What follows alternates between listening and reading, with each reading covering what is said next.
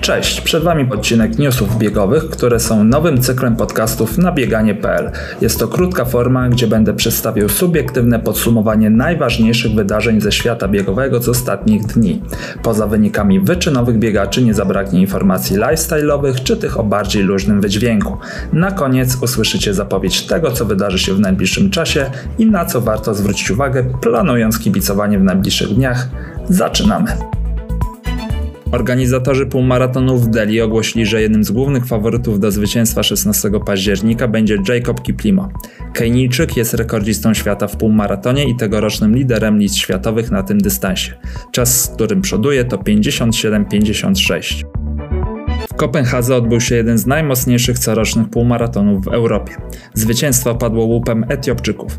Wśród kobiet zwyciężyła Tadu Teszome z czasem godzina 6.13. Wcześniej zaatakowała Gebreselema, wyrabiając sobie 30 sekund przewagi na 15 km, jednak debiutantka została dogoniona i zostawiona w tyle przez bardziej doświadczoną Teszome. Wśród mężczyzn wygrał Miklesza Mengesza z czasem 58-58. W męskiej rozgrywce dosyć długo na czele biegła duża grupa zawodników z Afryki. Dopiero końcowe kilometry km to stopniowe przyspieszenie Mengeszy. Najwyżej sklasyfikowanym Polakiem był Piotr Mielewczyk z klubu Piekielni Warszawa, który z czasem godzina 7.39 skończył na 91 miejscu czeskim Uściu nad Łabą w jednym z najmocniejszych czeskich półmaratonów wystartował Adam Nowicki.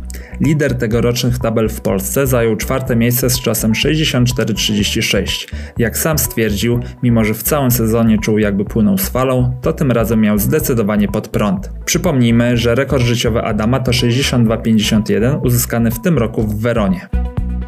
W rozgrywanym w Sydney maratonie po sprinterskim finiszu z czasem 2 godziny 7 minut i 2 sekundy wygrał Kenijczyk Moses Kibet, wyprzedzając o sekundę swojego rodaka reprezentującego Niemcy Kosmasa Mutei. Trzeci z 2.07.08 był Etiopczyk reprezentujący USA Hailugel Misa. Mocny atak na rekord życiowy zapowiadał słynny Zane Robertson, jednak zszedł on z trasy po 10 km w średnim tempie około 3 minuty na kilometr.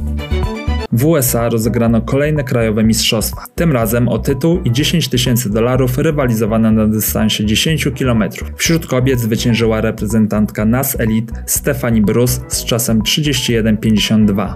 Najlepszym mężczyzną był zawodnik Mission Run Dark Sky Bita Simbasa z czasem 28,12. Medalistki olimpijskie Genzebe Dibaba i Almas Ayana zadebiutują w tym roku w maratonie podczas biegu rozgrywanego w Amsterdamie. Bieg w stolicy Holandii to jeden z nielicznych maratonów z platynową odznaką World Athletic. W zeszłym roku zwyciężył tam Tamirat Tola, który tego lata został mistrzem świata w maratonie. W Warszawie odbyła się konferencja przed zbliżającym się 44. maratonem warszawskim. Największą nadzieją polskich kibiców jest Iwona Bernardelli, która posiada drugi rekord życiowy w stawce i wynosi on 2 godziny 27 minut i 47 sekund. Szybsza jest tylko Etiopka Skale Alemajehu z 2.27.32. Wśród panów najlepszy rekord życiowy jest w posiadaniu Kenijczyka Dawida Meto. Zawodnik z życiówką 2.09.45 wygrywał już w Warszawie w 2018 roku. Zaprezentowano także oficjalną koszulkę partnera technicznego wydarzenia marki New Balance, która w tym roku ma mocno minimalistyczny design wpisujący się w obecne trendy. Stalowej Woli po samotnej walce na trasie w biegu na 10 km zwyciężył Patryk Kozłowski.